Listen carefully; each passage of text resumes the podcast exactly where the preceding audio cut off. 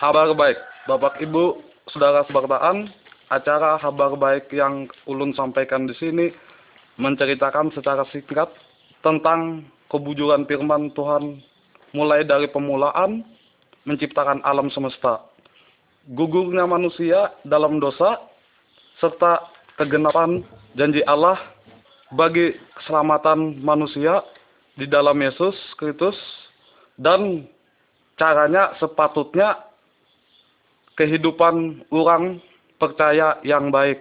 Selamat mendengarkan dan menyaksikan gambar-gambar berikut dengan baik.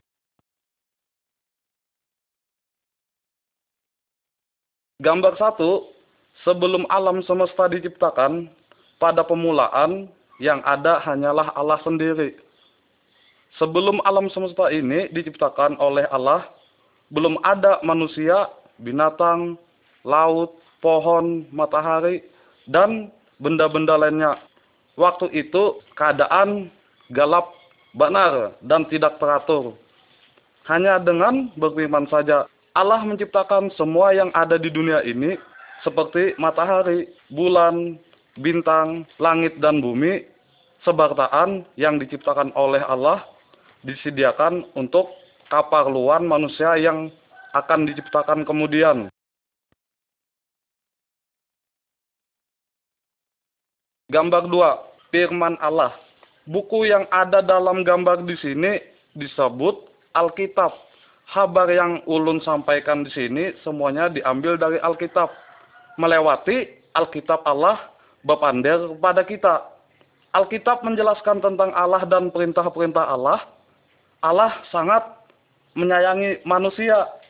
Alkitab menunjuk akan bagaimana caranya agar manusia dapat selamat atau lepas dari hukuman dosa.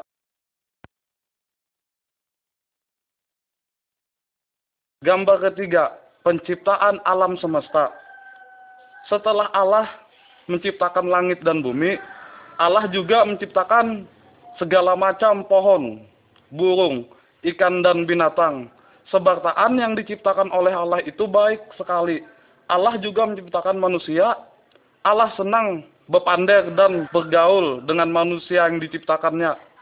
Allah mengangkat manusia untuk menjadi penguasa atas segala yang diciptakannya. Allah menghendaki supaya semua ciptaannya hidup rukun.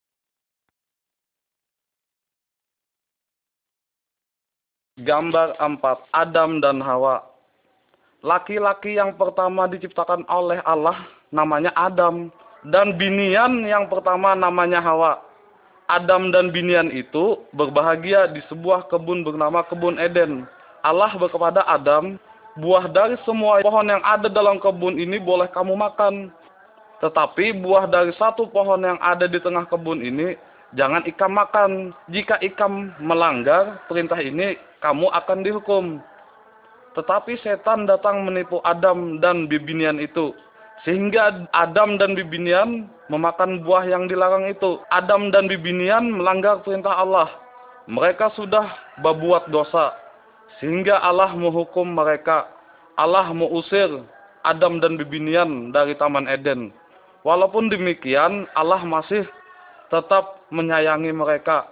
Allah berjanji akan mengutus seorang juru selamat yang dapat menghapuskan dosa kita sabarataan. Gambar 5, Kain dan Habel. Adam dan Bibinian telah gugur ke dalam dosa. Semua manusia keturunan Adam dan Bibinian juga sudah jatuh ke dalam dosa. Orang yang membangun kayu memukul itu namanya Kain. Kain adalah anak Adam. Amun Kain benci sekali kepada adiknya Habel. Kain memukul Habel sampai mati. Kain sudah berbuat dosa saudara saya juga pernah berbuat dosa. Cuma kita supan untuk mengakuinya. Kita saring berdusta, bajudi, bajinah, menyembah bahala, dan berbuat jahat yang lain. Tuhan benci terhadap semua dosa itu.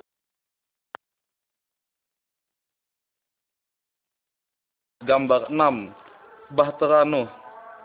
Manusia keturunan Adam makin lama makin jahat benar. Sehingga Allah akan menghukum mereka.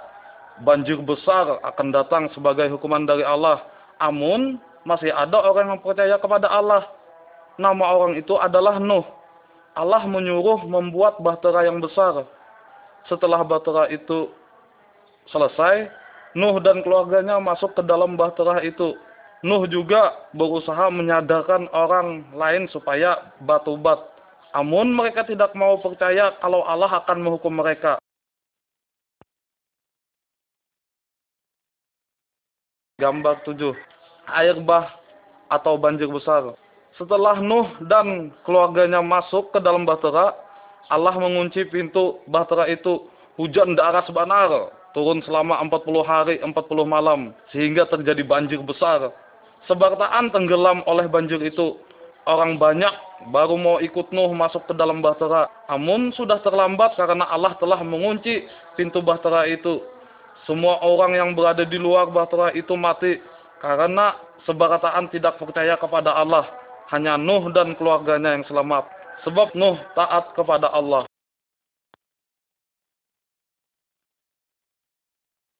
Gambar 8. Abraham, Sarah dan Ishak. Abraham adalah seorang dari keturunan Nuh. Abraham percaya benar kepada Allah. Allah berjanji kepada Abraham dan Sarah istrinya yang mandul itu bahwa mereka sebartaan akan mempunyai anak. Setelah mereka tua sekali, barulah Abraham dan Sarah mendapat seorang anak laki-laki. Anak itu diberi nama Ishak.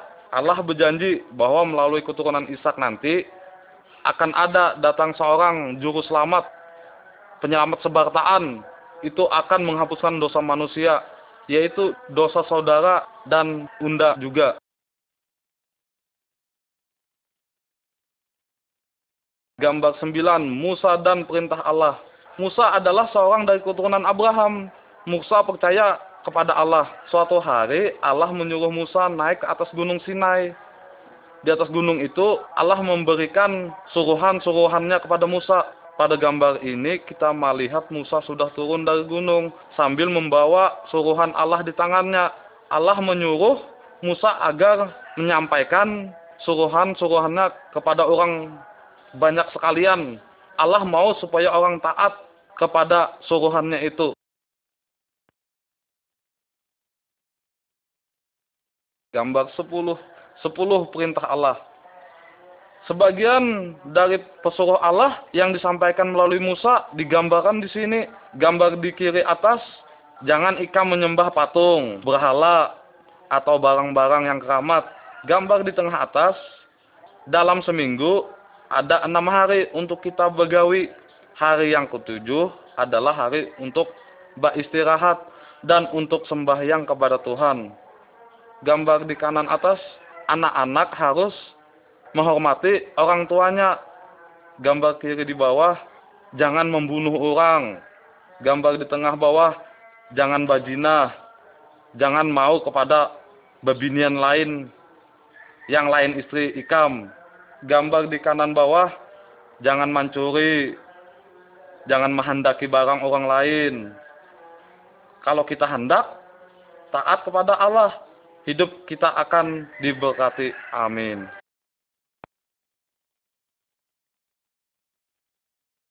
Gambar 11, korban penghapus dosa. Pada zaman dahulu, Abraham dan Musa, kalau ada orang berbuat dosa, Allah menyuruh ia menyembelih domba. Orang itu mengorbankan domba sebagai tanda ia sudah menyesal dosanya. Wayah ini, kita tidak perlu lagi menyembelih domba atau binatang yang lain sebagai tanda yang penghapus dosa. Karena Allah sudah ada menjadi manusia, yaitu Yesus yang kita sembah sekarang. Dan Yesus sudah mati untuk menggantikan hukuman dosa kita. Yesus dicambuk, bahkan sampai di, dibunuh. Namun pada hari yang ketiga ia hidup kembali. Seharusnya kitalah yang harus menanggung hukuman itu. Karena kita sudah banyak berbuat dosa. Namun karena Allah sangat mengasihi kita, sehingga hukuman itu diambilnya dan diangkatnya sendiri. Amun kita yang percaya kepadanya tidak mati binasa. amun memperoleh hidup kekal selamanya walau unda mengaku dosa unda dan percaya kepada Yesus maka segala dosa unda akan diampuni oleh Yesus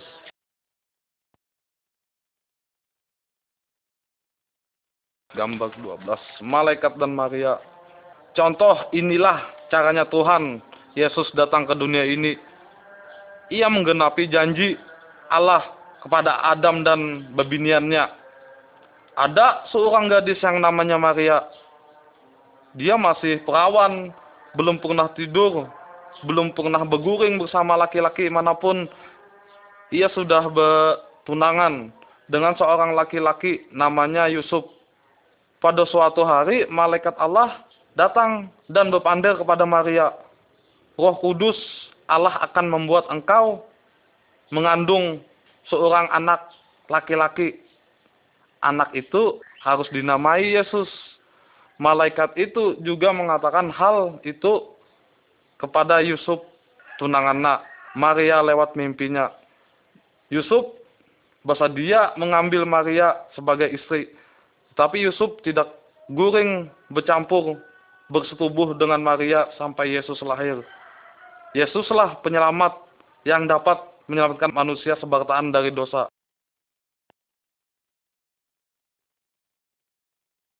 Gambar 13 kelahiran Tuhan Yesus. Kira-kira 9 bulan sesudah itu, suatu malam Maria melahirkan seorang anak laki-laki pada malam itu juga malaikat Allah datang kepada segerombolan gembala yang sedang menjaga kambing domba mereka. Para malaikat berpandir pada malam ini juru selamat yang dijanjikan Allah sudah lahir namanya Yesus. Kemudian gembala-gembala itu tulak mencari Yesus untuk menyembahnya Yesuslah yang dapat menghapuskan segala dosa kita sebarataan.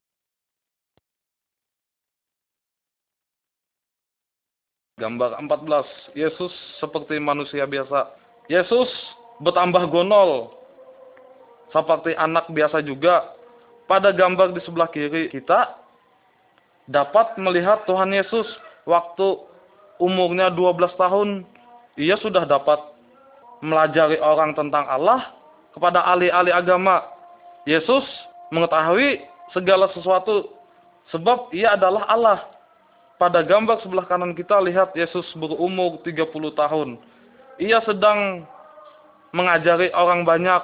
Ada orang yang mau percaya tetapi ada juga yang tidak mau percaya kepada inya, kepada Tuhan Yesus. Amun Allah menyatakan bahwa Yesus adalah Allah sendiri. Allah mau agar kita taat kepada ajaran Tuhan Yesus.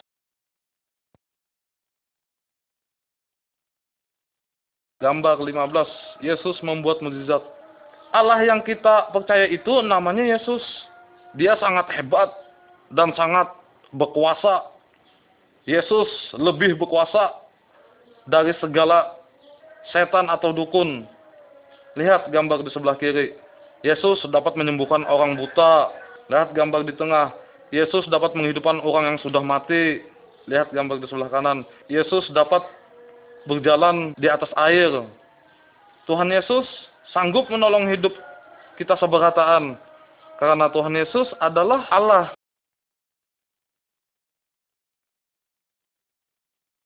Gambar 16, Yesus disiksa. Yesus selalu berbuat baik dan tidak pernah berdosa.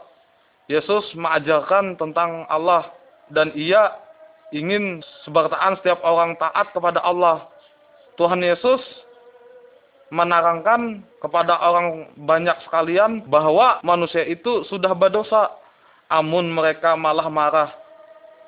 Lalu mereka menangkap Tuhan Yesus. Tuhan Yesus mereka pukul, mereka ludahi, dan mereka dihina-hinai. Amun Tuhan Yesus tidak melawan. Apa sebabnya? Karena Tuhan Yesus rela hajainya menderita seperti itu dengan maksud untuk menanggung hukuman dosa kita sebartaan. Gambar 17 Yesus disalibkan. setelah sebartaan menyiksa Tuhan Yesus, kemudian sebartaan menyalibkan Tuhan Yesus di kayu salib. Amun Allah menyatakan bahwa kematian Tuhan Yesus itu sebagai korban karena dosa kita. Tuhan Yesus menanggung hukuman dosa kita sebartaan dan dosa unda sampai dia mati. Kalau unda mengaku dosa dan percaya kepada Yesus, maka sebartaan akan diselamatkan. Apakah sebartaan mau percaya kepada Yesus? Maukah sebartaan berterima kasih kepada Tuhan Yesus yang telah menanggung hukuman dosa sebartaan? Gambar 18 kebangkitan Yesus. Setelah Tuhan Yesus mati di salib, seikung teman Tuhan Yesus menguburkan Tuhan Yesus. Yesus dikubur di dalam sebuah kubur pada bukit batu. Kemudian pintu kubur itu ditutup dengan batu yang basar. Tiga hari sudah itu Maria dan kawan-kawannya datang ke kubur itu. Tetapi Tuhan Yesus tidak ada. Yang ada hanyalah malaikat. Malaikat berpandang itu. Tuhan Yesus tidak ada di sini. Yesus sudah hidup kembali sampai sekarang ini. Yesus tetap hidup. Kalau kita berdoa kepada Tuhan, Yesus mendengar doa kita dan selalu memperhatikan hidup kita seberataan. Gambar 19, Thomas. Setelah Tuhan Yesus bangkit dari kematian, banyak orang bertamu dengan dia dan berbanding dengannya. Seorang muridnya yang namanya Thomas tidak ada waktu. Tuhan Yesus menampakkan dirinya sehingga Thomas tidak percaya bahwa Yesus sudah hidup kembali. Thomas berpandir, sebelum aku melihat luka bekas paku pada tangannya, Unda tidak percaya bahwa ia sudah bangkit. Kemudian Tuhan Yesus datang kepada Thomas, memperlihatkan bekas lukanya. Baru Thomas percaya bahwa Yesus sudah bangkit kembali, karena dia sudah melihat. Amun Tuhan Yesus mau supaya kita percaya kepadanya, walaupun kita sebartaan belum melihat dia dengan mata kita sendiri. Gambar 20, Yesus naik ke surga. Sesudah Tuhan Yesus bangkit 40 hari kemudian, dia membawai murid-muridnya ke sebuah bukit. Yesus berpandir kepada mereka. Sekarang unda akan naik ke surga. Setelah unda pergi, Ikam harus memberitakan tentang unda kepada semua orang sebartaan. Jelaskanlah bahwa unda pernah disalibkan untuk menanggung hukuman dosa mereka sebartaan dan setiap orang yang percaya kepada Unda, dosanya diampuni. Nanti ia boleh tinggal bersama Unda di surga. Lalu murid-muridnya melihat Tuhan Yesus terangkat naik ke surga. Kemudian dua malaikat datang dan berpandir kepada murid-murid Tuhan Yesus. Pada suatu hari nanti Tuhan Yesus akan datang kembali. Kalau Tuhan Yesus datang, dia akan mengangkat semua orang yang percaya kepadanya pulang ke surga. Maukah kita sebartaan percaya kepada Tuhan Yesus supaya nanti dapat ke surga? Gambar 21 kayu salib. Kayu salib mengingatkan Unda akan kasih Tuhan Yesus. Tuhan Yesus tidak berdosa. Walaupun demikian, dia rela disakiti dan dimati salib untuk menanggung hukuman dosa kita sebartaan, yaitu dosa saudara dan dosa unda. Setelah mati, Tuhan Yesus bangkit kembali dan tinggal di surga. Sekarang ini, ia selalu bersedia menolong orang yang percaya kepadanya. Kalau kita sebartaan mengakui dosa kita dan percaya kepada Tuhan Yesus, maka dosa kita sebartaan akan dihapuskannya. Karena kita boleh tinggal bersama Allah di surga. Gambar 22, dua jalan. Tuhan Yesus berpandir bahwa ada dua jalan, yaitu jalan yang lebar benar dan jalan yang sempit benar. Setiap orang sejak dia lahir ada di jalan yang lebar benar. Jalan yang lebar ini menuju hukuman dalam neraka yang tidak dapat padam. Kalau kita seorang percaya kepada Yesus, dan taat kepada perintahnya, maka ia hidup bersama Allah di surga. Maukah ikam sebartaan percaya kepada Tuhan Yesus dan berjalan di jalan yang sempit? Begini Tuhan Yesus, Unda mengaku bahwa Unda berdosa. Unda percaya bahwa Tuhan Yesus mati di salib untuk menanggung hukuman dosa-dosa Unda. Tuhan, ampunilah Unda dan ubahlah hidup Unda. Unda mau tinggal bersama Allah di surga. Terima kasih Yesus. Amin. Kalau ikam sebartaan sungguh-sungguh kepada berkata demikianlah kepada Tuhan Yesus dia mengangkat kita sebartaan sebagai anak Allah dan Allah sebagai bapak saudara.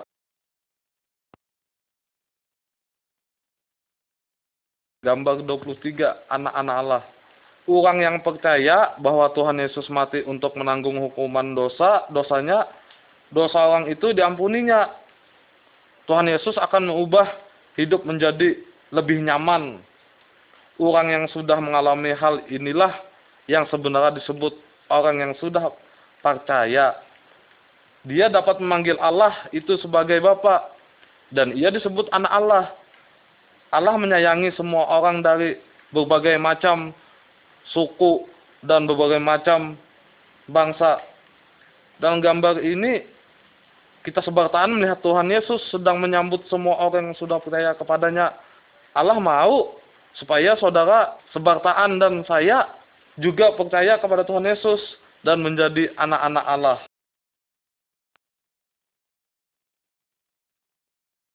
Gambar 24 Yesus dan Nikodemus. Dalam gambar ini kita sebartaan melihat Tuhan Yesus sedang berpandir dengan seorang guru agama yang namanya Nikodemus. Tuhan Yesus menerangkan kepadanya setiap orang agar dapat masuk ke surga, ia harus memperbaharui jiwanya. Hanya Roh Kudus yang dapat memperbaharui jiwa manusia.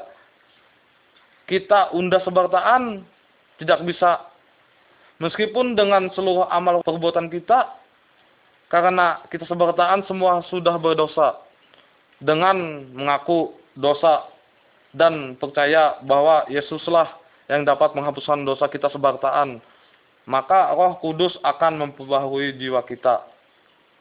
Kemudian Nikodemus mengakui dosanya dan percaya bahwa Yesuslah juru selamat yang dapat menghapuskan dosanya. Amun bagaimana dosa saudara sebartaan? Gambar 25, Roh Kudus turun. Waktu Tuhan Yesus ada di dunia ini, dia berjanji akan mengirimi roh penolong kepada yang mengikuti-ikutinya. Amun setelah Tuhan Yesus pulang ke surga, murid-muridnya berkumpul dan berdoa bersama-sama. Tiba-tiba roh kudus turun dan berdiam dalam mereka. Roh kudus memberi kuasa kepada mereka untuk melakukan suruhan Tuhan Yesus. Roh Kudus sebagai menolong dan menghibur buat kita sebarataan. Roh Kudus menolong mereka untuk mengerti iman Allah. Roh Kudus berdiam dalam setiap orang yang berserah diri kepada Tuhan Yesus. Orang yang sudah percaya tidak perlu minta tolong kepada orang yang lain. Roh Kudus ingin sekali menolong orang yang sudah percaya, amun hanya untuk melakukan hal-hal yang menyenangkan Allah. gambar 26 berjalan dalam terang. Orang yang tidak percaya kepada Tuhan Yesus sama dengan orang yang berjalan di dalam galap benar. Mereka sering kali tersasat dan gugur karena tidak ada lampu. Mereka sebartaan memerlukan seseorang yang dapat menunjukkan jalan yang benar dan jalan yang salah orang yang sudah percaya kepada Tuhan Yesus sama dengan orang yang berjalan di dalam terang. Karena Roh Kudus sebagai menunjuk jalan bagi orang itu, Roh Kudus menerangi jalan kita sebartaan dengan firman Allah.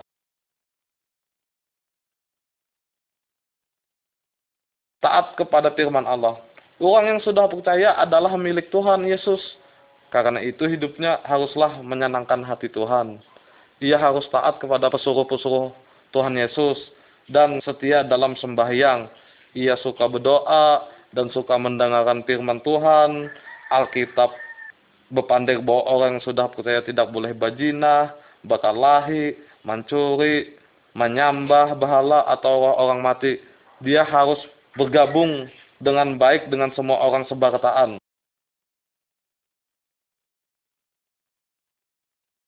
Gambar 28. Keluarga yang sudah percaya.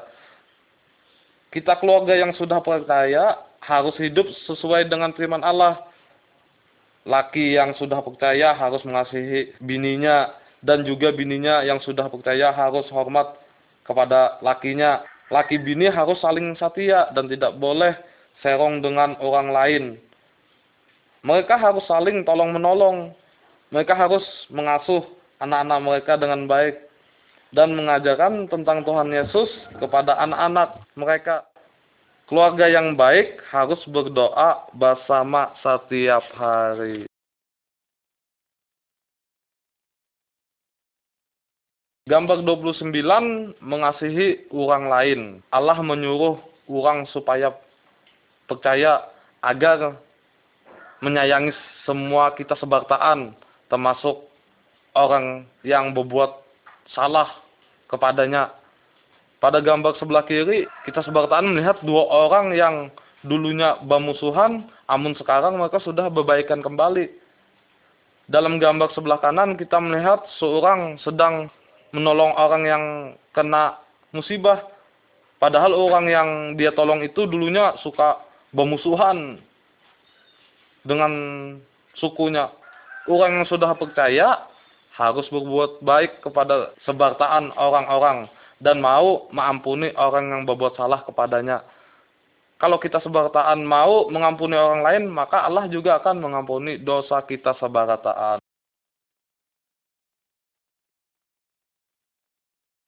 Gambar 30, Tuhan Yesus yang berkuasa. Dalam gambar ini dapat kita melihat sebartaan dua orang yang sedang membakar patung jimat dan barang-barang keramat.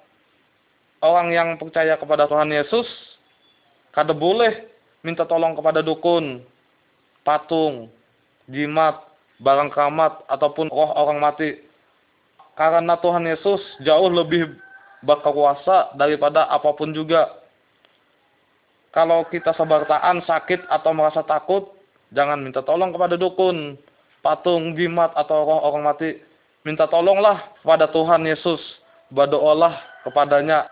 Berpandailah apa yang saudara perlukan. Tuhan Yesus sangat menyayangi saudara sekalian dan unda.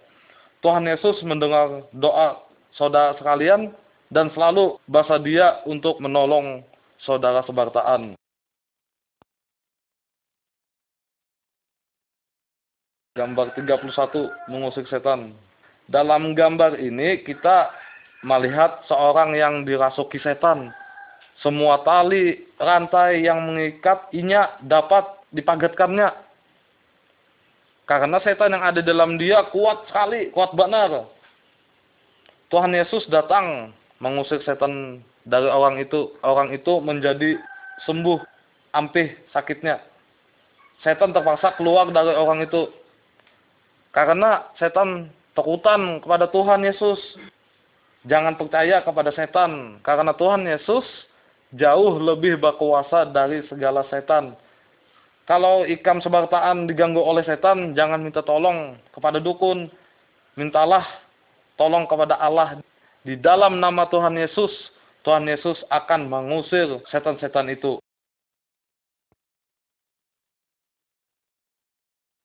Gambar 32, ikut Tuhan Yesus. Iblis atau setan adalah musuh Tuhan Yesus dan juga musuh orang-orang yang sudah percaya.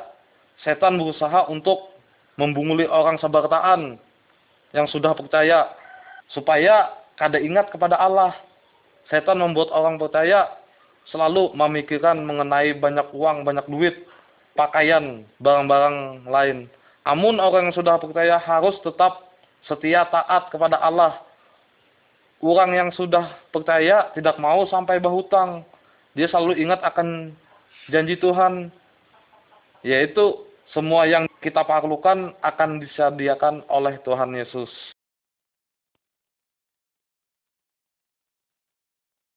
Gambar 33. Kalau orang percaya berdosa lagi. Dalam gambar ini kita melihat sebartaan seorang anak laki-laki yang sudah banyak berbuat dosa.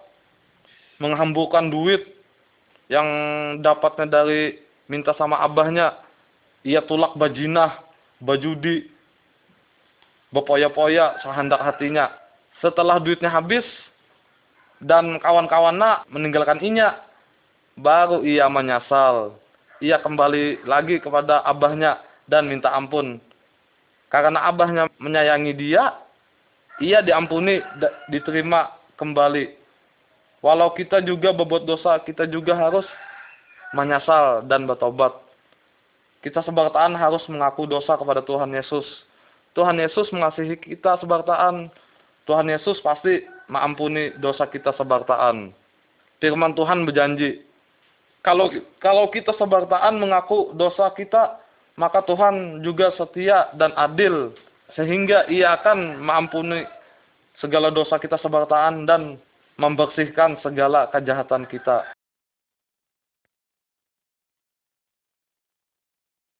Gambar 34. Orang sakit. Sebartaan orang baik yang sudah percaya maupun yang belum percaya. Sebartaan biasa sakit dalam gambar ini kita lihat seorang yang sedang babaring karena sakit. Orang bisa sakit karena ia makan makanan yang tidak baik, karena minuman banyu yang kotor, dan karena tidak melihat tubuhnya. Orang juga bisa sakit karena dia dirasuki oleh setan, dan karena kena sihir. Kalau orang yang sudah percaya, sakit apa yang harus dilakukan nak? Berdoalah kepada Tuhan Yesus. Tuhan Yesus pasti mendengar doa saudara sebartaan. Tuhan Yesus berkuasa untuk mengampihkan segala macam penyakit. Kalau ada dokter atau rumah sakit, boleh juga berobat ke sana. Tuhan Yesus juga dapat memakai obat-obatan untuk mengampihkan saudara. Amun jangan pergi ke dukun, mintalah pertolongan kepada Tuhan Yesus. Tuhan Yesus lebih berkuasa dari segala dukun dan roh-roh jahat. Gambar 35 orang mati. Kalau orang yang sudah percaya kepada Tuhan Yesus, kalau inya meninggal, maka tubuhnya dikuburkan. Amun jiwanya akan ke surga. Karena dosanya sudah dihapuskan oleh Tuhan Yesus, jika seseorang yang belum percaya kepada Tuhan Yesus, kalau inya meninggal, tubuhnya juga dikubur. Amun jiwanya akan dihukum di dalam neraka. Sebab inya masih berdosa. Bagaimana jika sekarang saudara sebartaan meninggal, apakah jiwa saudara sebartaan sudah dibaksikan dari segala dosa supaya dapat ke surga? Gambar 36, tubuh Kristus. Setiap bagian dari awak kita, kita mempunyai tugas masing-masing. Contohnya, mata untuk melihat, mulut untuk berpandir, dan talinga untuk mendengar. Kalau ada satu bagian saja yang sakit, maka seluruh tubuh akan merasa sakit benar. Allah berpandir bahwa setiap orang yang sudah percaya adalah bagian-bagian dari tubuh Kristus. Dan Tuhan Yesus adalah kepala dari tubuh itu. Setiap orang yang sudah percaya mempunyai tugas yang berbeda juga. Contohnya ada yang menghutbah, mengajar, bernyanyi, memuji Allah, menolong orang dan sebagainya. Setiap orang yang sudah percaya adalah saksi bagi Tuhan Yesus. Semua orang yang sudah percaya harus saling menyayangi dan saling membantu.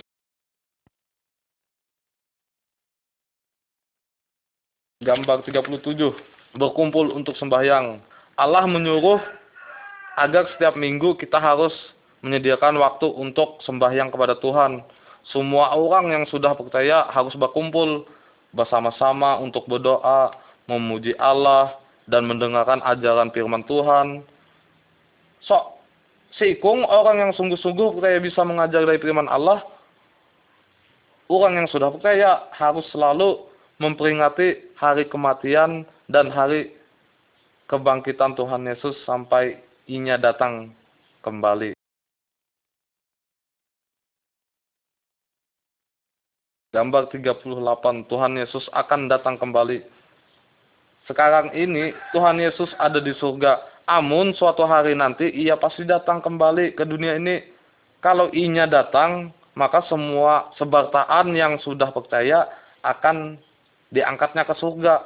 Amun orang tidak mau percaya kepada Tuhan Yesus, akan ditinggalkannya dan dihukum di dalam neraka. Orang yang belum bertobat dan hidupnya belum berubah juga akan dihukum. Apakah saudara sebartaan siap kalau Tuhan Yesus datang sekarang? Gambar 39 menghasilkan buah. Dari pohonnya kita sebartaan mengharapkan muncul buah. Dahan yang tidak berbuah akan dipotong dan dibakar dalam api. Tuhan Yesus mengumpamakan, menyontohkan dirinya sebagai batang pohon dan semua orang sebartaan yang percaya kepadanya sebagai dahan-dahannya. Dari orang yang sudah percaya, Tuhan Yesus mengharapkan muncul buah-buah yang baik benar. Yang dimaksudnya dengan buah-buah itu adalah menyayangi orang lain, ada bahagia, sukacita, ada setia, beribadah, bersedia untuk menolong. Jujur dan hidup suci, buah-buah tersebut akan timbul dalam hidup orang yang sudah percaya. Karena kuasa roh kudus, hidup orang yang sudah percaya kepada Yesus harus lebih baik daripada hidupnya yang dulu. Gambar 40, bersaksi kepada orang lain. Apakah saudara sebartaan sudah percaya kepada Tuhan Yesus? Kalau saudara sebartaan benar-benar percaya, tandaikanlah kepada keluargamu bahwa Yesus sangat baik, baik benar. Katakan juga kepada kawan-kawan ikam bahwa Yesus mengasihi mereka juga. Katakan, pandaikanlah bahwa hatimu sudah tenang dan tidak takutan lagi kepada setan atau hantu. Tuhan Yesus sudah menyediakan tempat di surga bagi kita sebartaan yang benar-benar percaya. Mau ikan percaya kepada Yesus, sebaliknya ada tempat hukuman bagi mereka yang menolak Tuhan Yesus.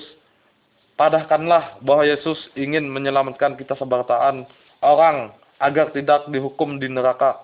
Maukah kita sebartaan bersaksi bagi Yesus? Pikirkanlah hal ini bujur-bujur dan ambillah keputusan yang tepat. Tuhan Yesus memberkati saudara.